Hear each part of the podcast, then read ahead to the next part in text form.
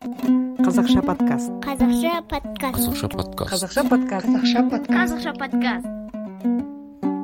Қадірлі тыңдарман ұзақ үзілістен соң подкастымды жалғастырамын. Бәріңе сәлем. Қайғылы қаңтардан соң бұл эпизодты сіздерге жылы сезімді білдіру жұбату амалы ретінде жазып отырмын. Бұл қаңтар бәрімізге өте ауыр тиді бірақ өмір болған соң оның қуанышты да қайғылы да сәттері болады. Сағыңды сындырып жүрегіңді езіп жіберетіндей ауыр кезеңдерде бізді аман алып шығатын не деп ойлағанда ең бірінші ойыма үміт келеді екен. Жақсылыққа үміт.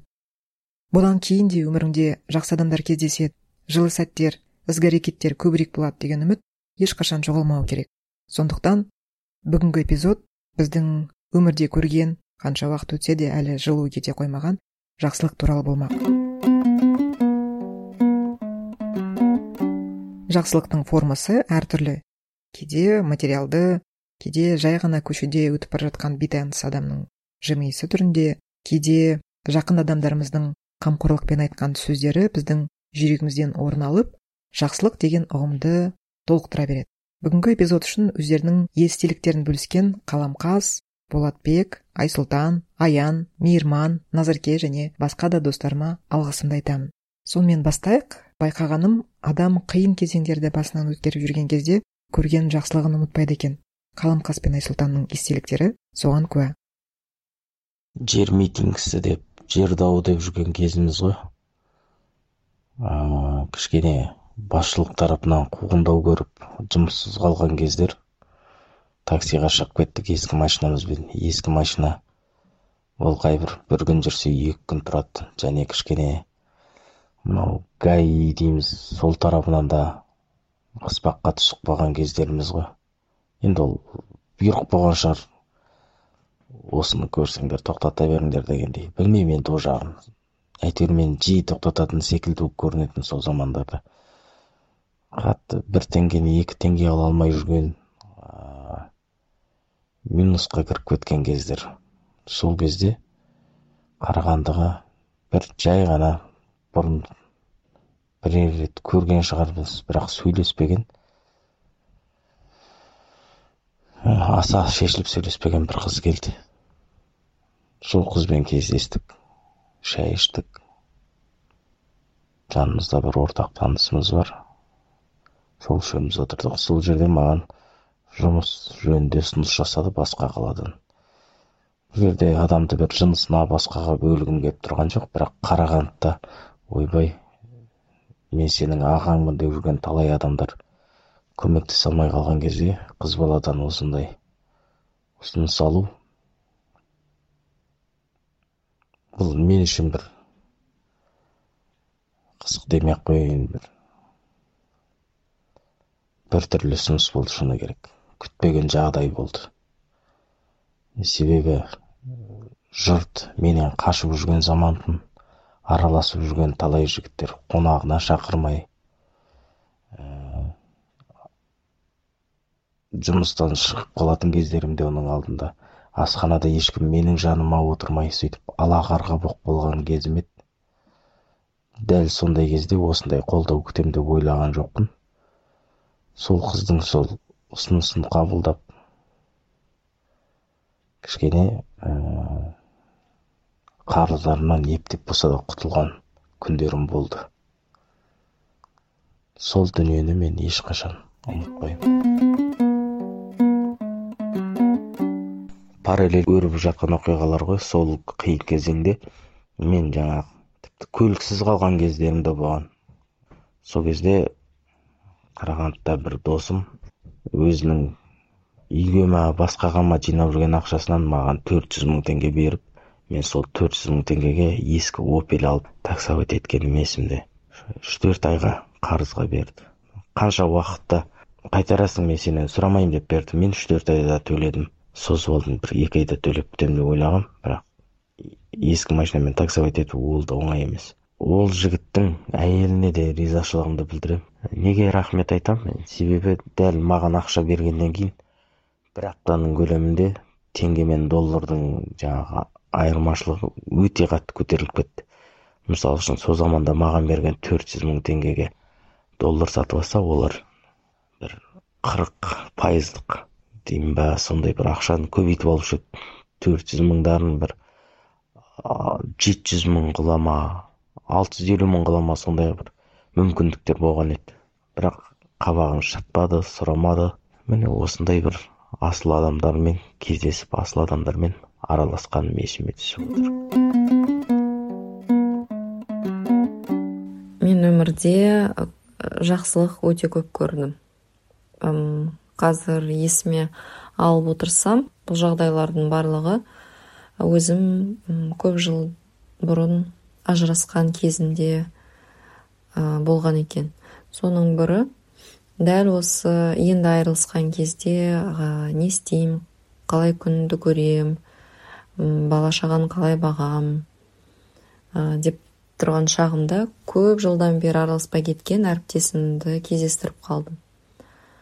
Ол өзіне ыстық көлде сол кезде пансионатта жұмыс істеп жүрген кез екен администратор іздегенін айтты. Маған дәл қазір осы өзім үйреншікті жерден алыс кетіп ештеңені ойламайтын жейтін тамақ тұратын үй ақша ойламайтын бір жерге кету керек еді бірақ бір нәрсемен айналыспасам мен ә, жынды болып кететін сондай бір қатты уайымға салынып кететін сондай бір кезде болған ол бірден маған ә, сен мен сені алам. Егер сен бара алсаң балаларыңмен ә, жүр. Қазір ә, құжаттарды рәсімдейміз деп дәл сол аяқ астынан өзім ойламаған жерден төрт айға ыстық көлге сол жерде шынымен де төрт айдан бері ә, ештеңені ойламай ә, тек қана жұмыс істеп таза ауада ә, ыстық көлдің ә, суына өзімнің бар уайым қайғымды тұншықтырып келген кезім болған екен. Ә, сондықтан ә, сол әріптесіме алғысым шексіз. Бірге жұмыс істеп жүрген кезде қатты дос болатынбыз кейін ә, отбасылы болып кеткеннен кейін ә, көп араласпай кеттік. Қанша бір 15 жылдан кейін кездескенде осындай ә, көп жылдан бері араласпаған адамнан сондай жақсылық көрдім сондай қатты қолдау таптым сол кісіден. Осы подкастты жазу барысында қаламқасқа ә, жақсылық туралы айтып беруін өтінгенде ол өте көп эпизодтар жіберді. Бірақ соның ішінде людмила максимовна деген апай туралы ерекше әсер етті. Соны тыңдайық. Астанаға алғаш көшіп келгенде университетті енді бітіріп әлі жиырмаға да толмаған он тоғыздамын сонда бір людмила максимовна деген бір апаның үйінде бір бөлмесін жалдап тұрдым. Екі мың теңге төлеп ә, сол кезде мемлекеттік қызметке жұмысқа тұрғам. Екі ай стажер болып жұмыс істедім. Абай көшесінде сол кісінің ә, жарнама арқылы үйін тауып екі бөлмелі үйдің бір бөлмесін жалдап тұрдым. И мен ешқашан өмірімде үйден алыстап жол жүріп көрмеген адаммын. Әбден жылы үйге дайын асқа үйренген ә, алматыдан суық астанаға келгенде маған бір қатты бір ә, жат болып көрінді. Сол кезде осы людмила максимовна мені өзі кәдімгідей баласы сияқты бауырына басты. Алғашында бір айдай біз жаңа тек қана кездескенде сәлеметсіз ба? Сау болыңыз есік жауып алыңыз деген сияқты кезекті сөздермен ғана алмасатынбыз. Кейін ол кісі аздап маған ол кісі маған үйрене бастады маған айтатын. Сен таңертең жұмысқа жиналғанда бір дыбысың шықпай жиналады екенсің. Сен не деген сондай ұялшақсың ба? Жоқ сондай тәрбиелісің ба? Мен осындай адамды бірінші рет көріп тұрмын. Мен оят, оянып кетпесін деп жай аяғының ұшымен жүргеніңді білем. Маған сенің сондай тәрбиелі болғаның ұнайды деп айтатын мен таң қалатын мен оны әдейі істеп солай істейді. Деп ойламаппын ол бір бір табиғи нәрсе сияқты болып көрінетін елдің мазасын алмау. Сен уайымдама мен менде ұйқы жоқ кәрі кісімін. Таңертең төрт бестен оянам барлығын естіп жатам. Сенің сол қылығыңа тәнтімін бірақ сен енді бұдан былай олай істеме таңертең кәдімгідей дауысын шығарып светті жағып керегінше қолдана бер деп сөйтіп айтатын. Кейін үйден алматыдан ата анам азық түлік беріп жібереді. Өзім айлығым тоғыз мың оның екі мыңын бөлмеуге төлеймін. Ақшаң жетпейді деп азық түлік жібереді. Ет. Ол етті мен жемеймін. Өйткені мемлекеттік қызметте таңертеңнен түнге дейін жүрем бір күні келсем апам жай еттің бәрінен фарш жасап оның бәріне бір тефтели пельмень вареники түйіп бәрін морозильникке қатырып қойыпты сен мына жұмыс істеуің масқара тамақ та ішпейсің ертең әке шешеңнің барған соң мынау баламыз алысқа кетіп жүдеп кетті деп айтады. Мына берген тамақты уақытылы жей мен саған осының бәрін қатырып қойдым. Жүр қалғанын екеуміз бірге жасаймыз деп. Ә, сондай ол кісі бір ә, аналық мейірімі маған ашылып қатты сөйтіп маған алыста жүргенде сондай бір қолдау көрсеткен. Сол кісіні үнемі осы абай көшесімен ары бері өткенде есіме алып тұрам мейірманның да осыған ұқсайтын естелігі бар болып шықты. Тыңдап көрелік. Ә, жалпы маған күнделікті өмірде бір рет көрген болсын жалпы сондай адамдар көп көмектеседі. Бірақ ең есімде қалғаны ешқашан ұмытпайтын ол маған көмектескен адам. Ол арқалықта болды. Екі мың он үшінші жылы арқалыққа оқуға түстім. Осы сол кезде біраз уақыт ол жаққа оқымаймын деп ыыы басқа групп класстастарым бәрі алматыға астанаға оқуға түсіп жатқан кезде арқалыққа оқуға түскенім мен үшін кәдімгідей намыс болды да.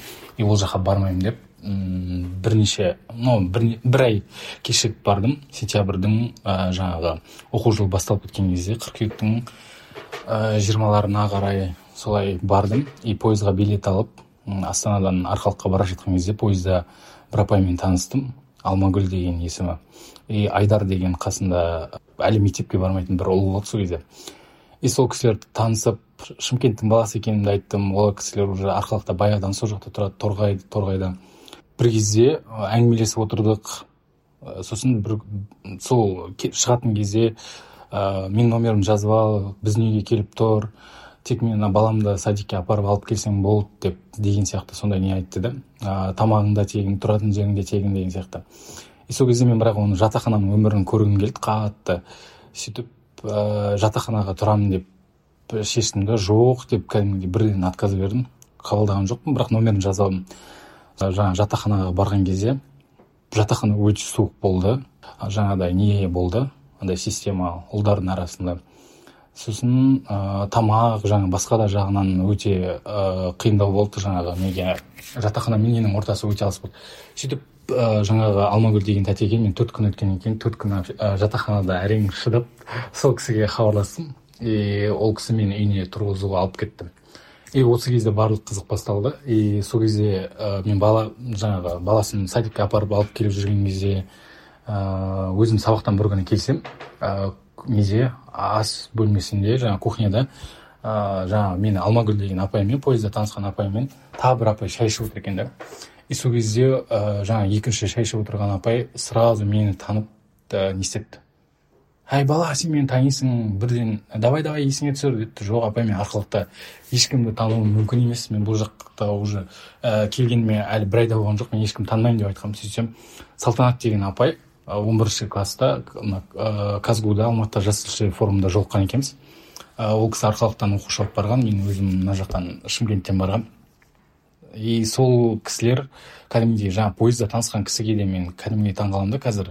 Бір көрген адамды и көп не болады ғой шымкенттіктерді ұнатпау деген сияқты қашу деген сияқты ол кісілерде ондай не болған жоқ.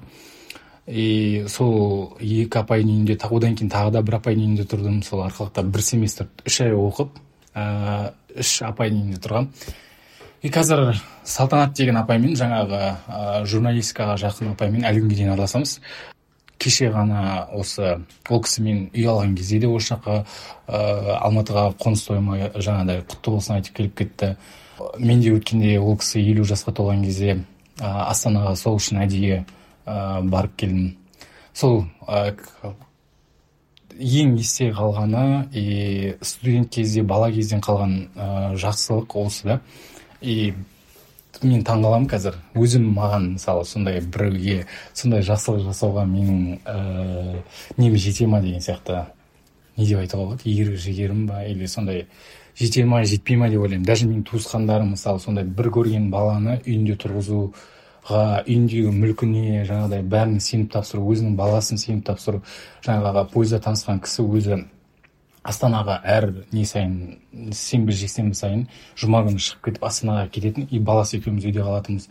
Сондай кезде мысалы өз үйіндегі заттарын маған сеніп тапсырғанына кәдімгідей қазір таңқаламын и менің өзімнің даже қазір бір бірін бауырлар бір біріне көмектеспейтін заманда ә, көп бір бірінен ә, бөлек тұруға тырысатын заманда кәдімгідей бұл маған не болды. Сол осы жақсылықты ешқашан ұмытпаймын.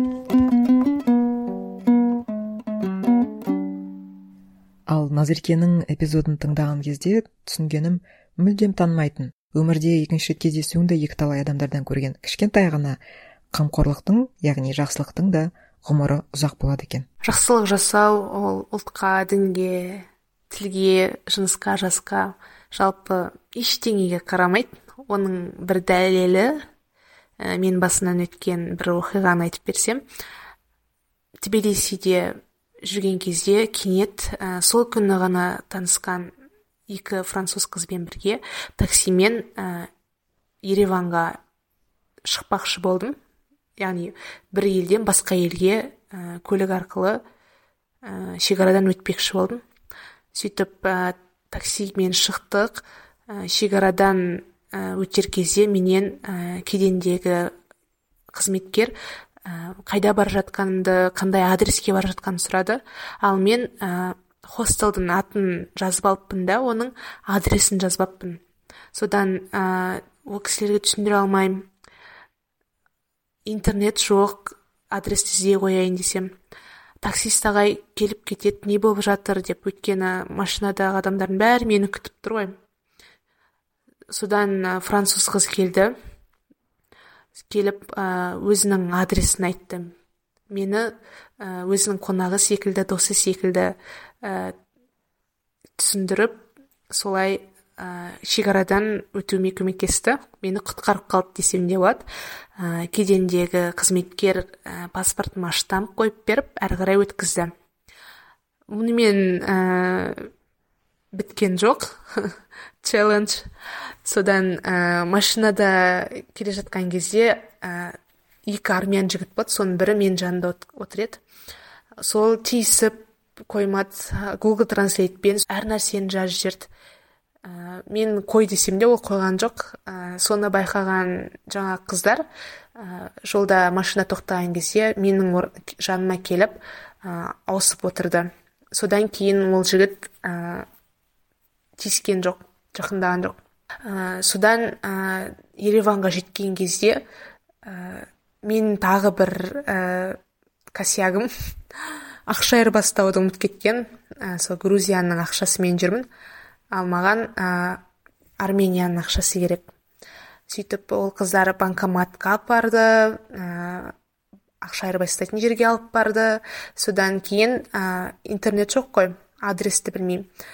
Ә, қайда екенін қайда орналасқанын білмеймін хостелдің сол қыздар ә, адресті тауып хостелға дейін апарып тастады. Ә, содан түсінгенім бір өмірде бір ақ рет көретін адамның өзі саған қанша бір үлкен жақсылық жасауы мүмкін. Осыдан 18 жыл бұрын ә, алматыға алғаш келген күндерім ә, шетелден келгендіктен оқуға тапсыру тіпті емін еркін жүріп тұру тіпті басқа барлық шаруалар үшін ә, құжаттарды оңтайлау керек еді. Тіркеу бар деген сияқты. Ал оларды бітіру үшін қандай анықтама екені есімде жоқ бірақ дүниежүзі қазақтар қауымдастығынан бір анықтама алу керек еді. Сонымен ә, дүниежүзі қазақтар қауымдастығына барып анықтамаға өтініш бердік. Бірақ олар ә, қашан дайын болатынын айтқан жоқ. Тек бар айтқаны қолымызға бір жапырақ қағаз берді да қашан дайын болатынын өзіміз айтамыз деді. Сонымен мен ә, басқа мүмкіндігім де болмағандықтан күнде сол анықтаманы дайын болғанын сұрау үшін қауымдастыққа бара беретін едім. Олар тіпті дұрыстап жауап та бермейтін есіктерінен де қаратпайтын кейде ә, кейде бір екі ауыз сөзбен ғана айтатын оның жартысын түсінбейтін жартысы орысша жартысы қазақша еді жауаптарының. Ә, кейде тіпті ә, қазақша түсіндіргеннің өзі дайын болғанда өзіміз хабарласамыз деп айтатын. Бірақ онысы өтірік. Әрине қалай хабарласады сенің ешқандай байланысыңды білмейді. Ә, сондықтан үмітті үзбей күнде баратын едім. Солай үздіксіз екі апта әлде жиырма күн барған шығармын. Ә, әрине мен сияқты анықтама болмаса басқа құжаттар күтіп жүрген адамдар өте көп болатын. А, бір күні ә, үмітім үзілді ма әлде жас ә, алыста үлкен жерде жалғыз жүргендіктен ба бір құлазу пайда болды. Сөйтіп ыстық күн түсте сол дүниежүзі қазақтар қауымдастығы ғимаратының алдында жол бойында орындықта отыр едім. Бір орта жастағы бір кісі келіп жаныма отырды да бір жылы жүзбен жөн сұрай бастады. Иә мен өз жөнімді айттым сонымен ол ә, оған солай сезілді ма әйтеуір тоқсаныншы жылдарда жағдайдың өте қиын болғанын ал қазіргі жағдайдың онымен салыстырғанда мүлде оңшалып келе жатқанын айтып біраз әңгімені айтты тарих туралы айтты. Бірақ тіпті сол не айтқаны нақты есімде жоқ аты жөні де есімде жоқ. Маған қалып қойған әсер оның сондай бір риясыз жылы лебізі жақын тартқан ә, бір мейірімі дейміз ба? Сондай энергиясы қалып қойыпты.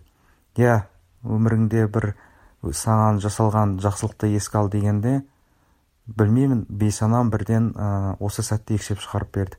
Иә өзіме де қызық неге осы сәтті шығарып берген? Әйтпесе саналы түрде еске алсақ ә, жақсылық жасаған адамдар болмаса жақсылық көрген сәттерің аз емес қой? Иә түсінбеймін кейде. Дегенмен күнделікті жағдайыңды көріп жүрген достардың әріптестердің қамқорлығы ерекше болады екен. Сондай жақсылықтан бір екі эпизод тыңдайық. Ол кезде мен бір газетте жұмыс істеп жүргенмін бір қыстың кезі болатын бір маусымдық емдерімді алуым керек еді бірақ ә, жаңағы қаржылық проблемаларға байланысты жұмыстан үлгермегендіктен емімді алып үлгермедім да сонымен менің бір ә, жаңағы ауруым асқынып кетті. Былайша айтқанда құлағым қатты шыңылдап естімей қалды. Бір ал менің жұмысым жаңағы газетте болғандықтан мен адамдармен сұхбаттасамын сөйлесуім керек мен естуім керек адамдарды. Сонымен кішкене әбіржіп жүрдім да бірақ бір үш төрт күндей бір сол сұхбаттасып отқан адамдардың дауысын естімей оларға бір олар айтып жатқан нәрсеге қатысы жоқ сұрақтар қойып бір сондай қиын өте қиын болды. Бірақ сонда да жұмыстан қалмайын деп әйтеуір қиналсам да істеп жүрдім. Сол кезде оны жаңағы мен бас редакторыма айтқан жоқпын. Бас редакторым оны басқа әріптестерден естіп жаңа мені шақырған екен. Соны бардым. Ыыы шақырсам жаңағы маған сен ауырып жүр дейді ғой деп сондай әңгіме естідім деп. Негізі ол кісі өзі былай жаңағы қатты бір жария түрде мейірімділік жасап немесе бір көптің көзіне сондай бір жақсы көрінгісі келетін ондай адам емес та. Жаңағы жұмысқа талабы күшті сондай бір артық әңгіме айтпайтын қызметкерлеріне былай жаңағы ыыы бүйтіп жағдайын сұрай бермейтін сондай сондай кісі еді жаңағы кішкене жұмысқа қаталдау. Сонымен мен иә деп былай бірақ толық айтқан жоқпын сосын. Жаңағы негізгі проблема неде екенін түсінсе керек. Сонымен жаңа олай болмайды. Ә, барып бухгалтерден барып жаңағы аванс ал айлығыңнан сөйтіп құлағыңды емде еміңді қабылда. Сосын жұмысқа бір ақ кел деді. Мен қуанып кеттім. Өйткені газеттің жаңағы жұмысы тоқтамау керек. Адам аз жаңағы жұмыс көп дегендей. Сонымен аванс алып емге бардым. Бірден дәрігерге қаралып емімді алып. Сосын кейін емнен келгеннен кейін жаңағы мен сол айда жұмыс аз істесем де маған жаңағы студент екеніме бір сол бір ғана жұмыс істеп жүргеніме соған байланысты маған айлықты жаңағы толық берді да авансты алып тастап менің еміме жаңағы газеттің өзінің қаржысына ақша берді. Сосын кейін де былай жұмыстың арасында көрген кезде былай елеусіз түрде былай сұрайтын құлағың қалай? деген сияқты. Мен сол кезде бір менде енді қалыптасып келе жатқан маман ретінде мен сондай адамнан бас редактордан басшылықтан былайша айтқан кезде ол сондай бір адами қарым қатынас көріп мен бір қатты риза болдым да мен адам жаңағы қандай қызметте болса да қандай позицияда болса да бастысы адамгершілік болу керек бастысы сондай адами қамқорлық нәрсе болу керек деген нәрсе сол кезде мен бір түсіндім. Сол жақсылықты мен әлі күнге дейін ұмытпаймын және оны бір өте қатты бағалаймын да былайша айтқан кезде бұл қарапайым нәрсе болып көрінуі мүмкін. Көп адамға қарапайым жаңағы әр адам істеу керек нәрсе болып көрінуі мүмкін бірақ ә, сол кезде мен қандай сондай қиналып тұрдым қиналып жүрдім. Және соны көріп түсініп маған қолымда бар мүмкіндігінен де артық нәрсемен маған көмектескен сол кісінің жаңағы бір жақсылығын мен қанша жыл өтсе де әлі күнге дейін ұмытпаймын. Маған жақсылық жасаған адам көп шығар негізі. Бірақ екі оқиға ғана есіме түсіп тұр. Біреуі облыстық телеарнада жұмыс істеп жүрген кезім әкімдердің есеп беруін түсіру үшін шалқар ырғыз аудандарына бардық. Қыстың кезі ырғыздан қайтып келе жатқанда боран болды.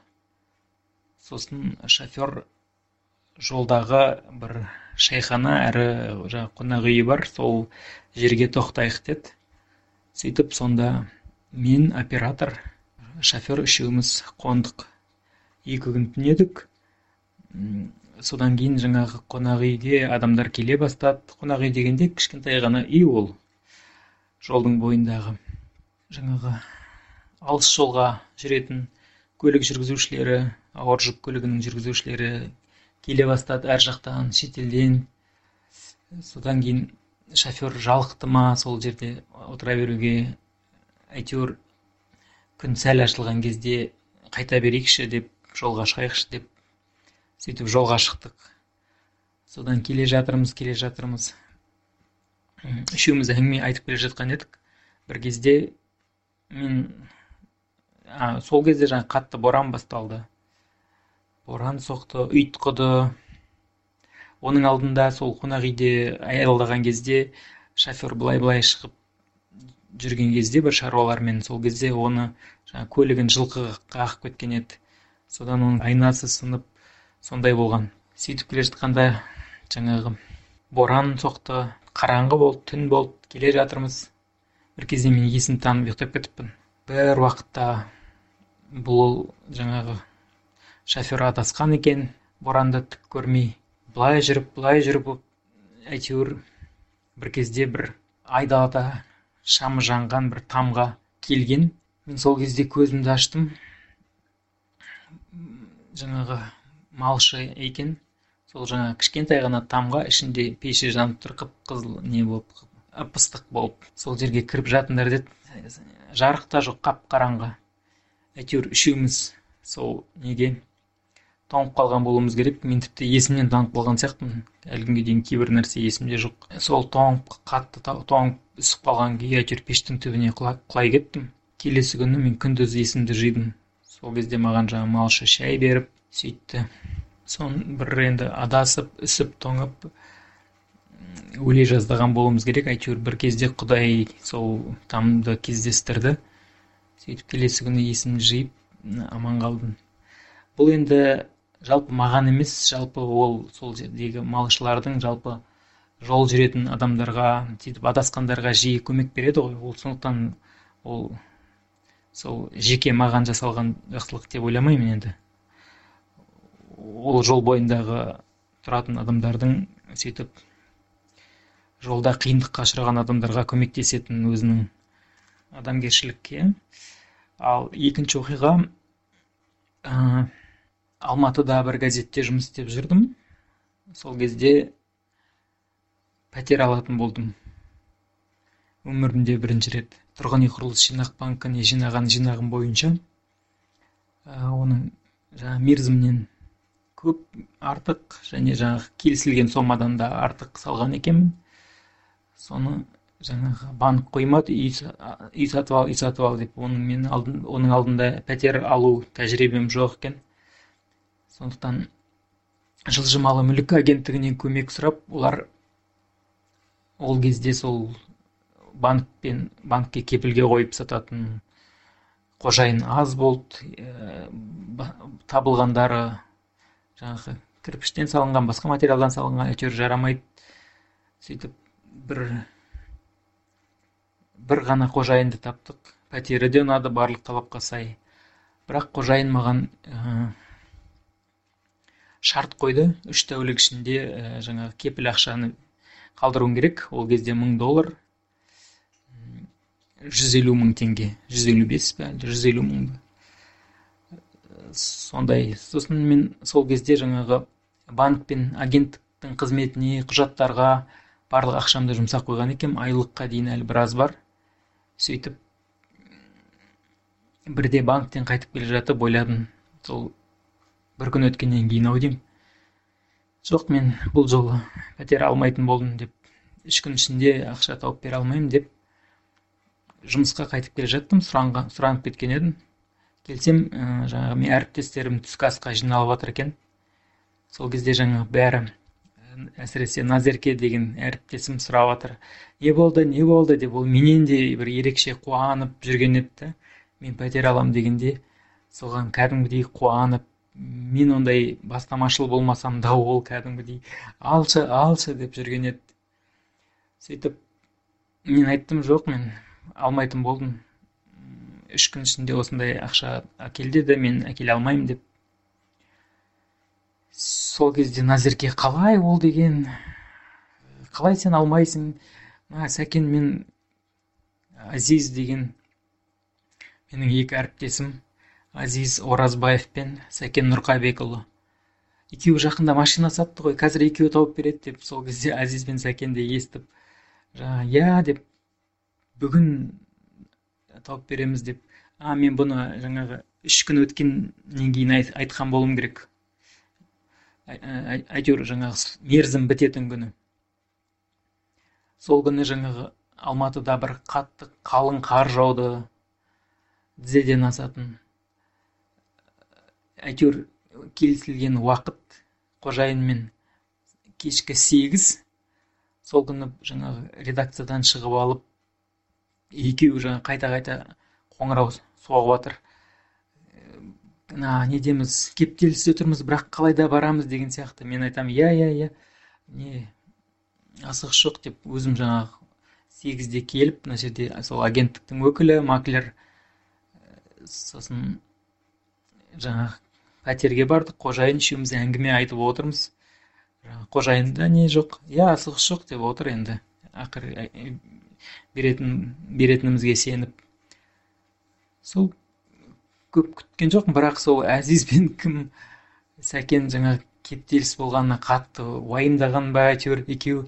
Кәдімгідей жаны ұшырып екі өкпесін қолына алып сөйтіп келіп тұр. Үлгердік үлгердік. Жаңағы бірдеңе деп айтамын. Жоқ бәрі нормально.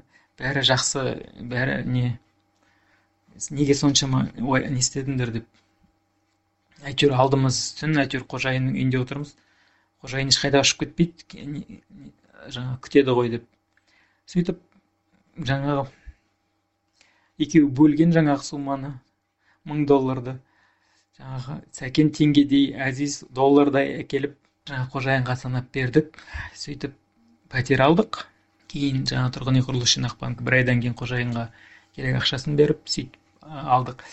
Бұл айтайын деген бұл жерде жаңа мен жалпы қарыз сұрамаймын жаңағы ақша алмауға тырысамын. Сөйтіп ана жерде де мен сұрамаған едім. Бұлар сол мен сұрамайтынын біліп сол жаңағы назерке қолдап әзиз бен сәкен өздерінің жаңағы бастамасымен жоқ біз береміз деп сөйтіп жаңа ақшаны жинап берген.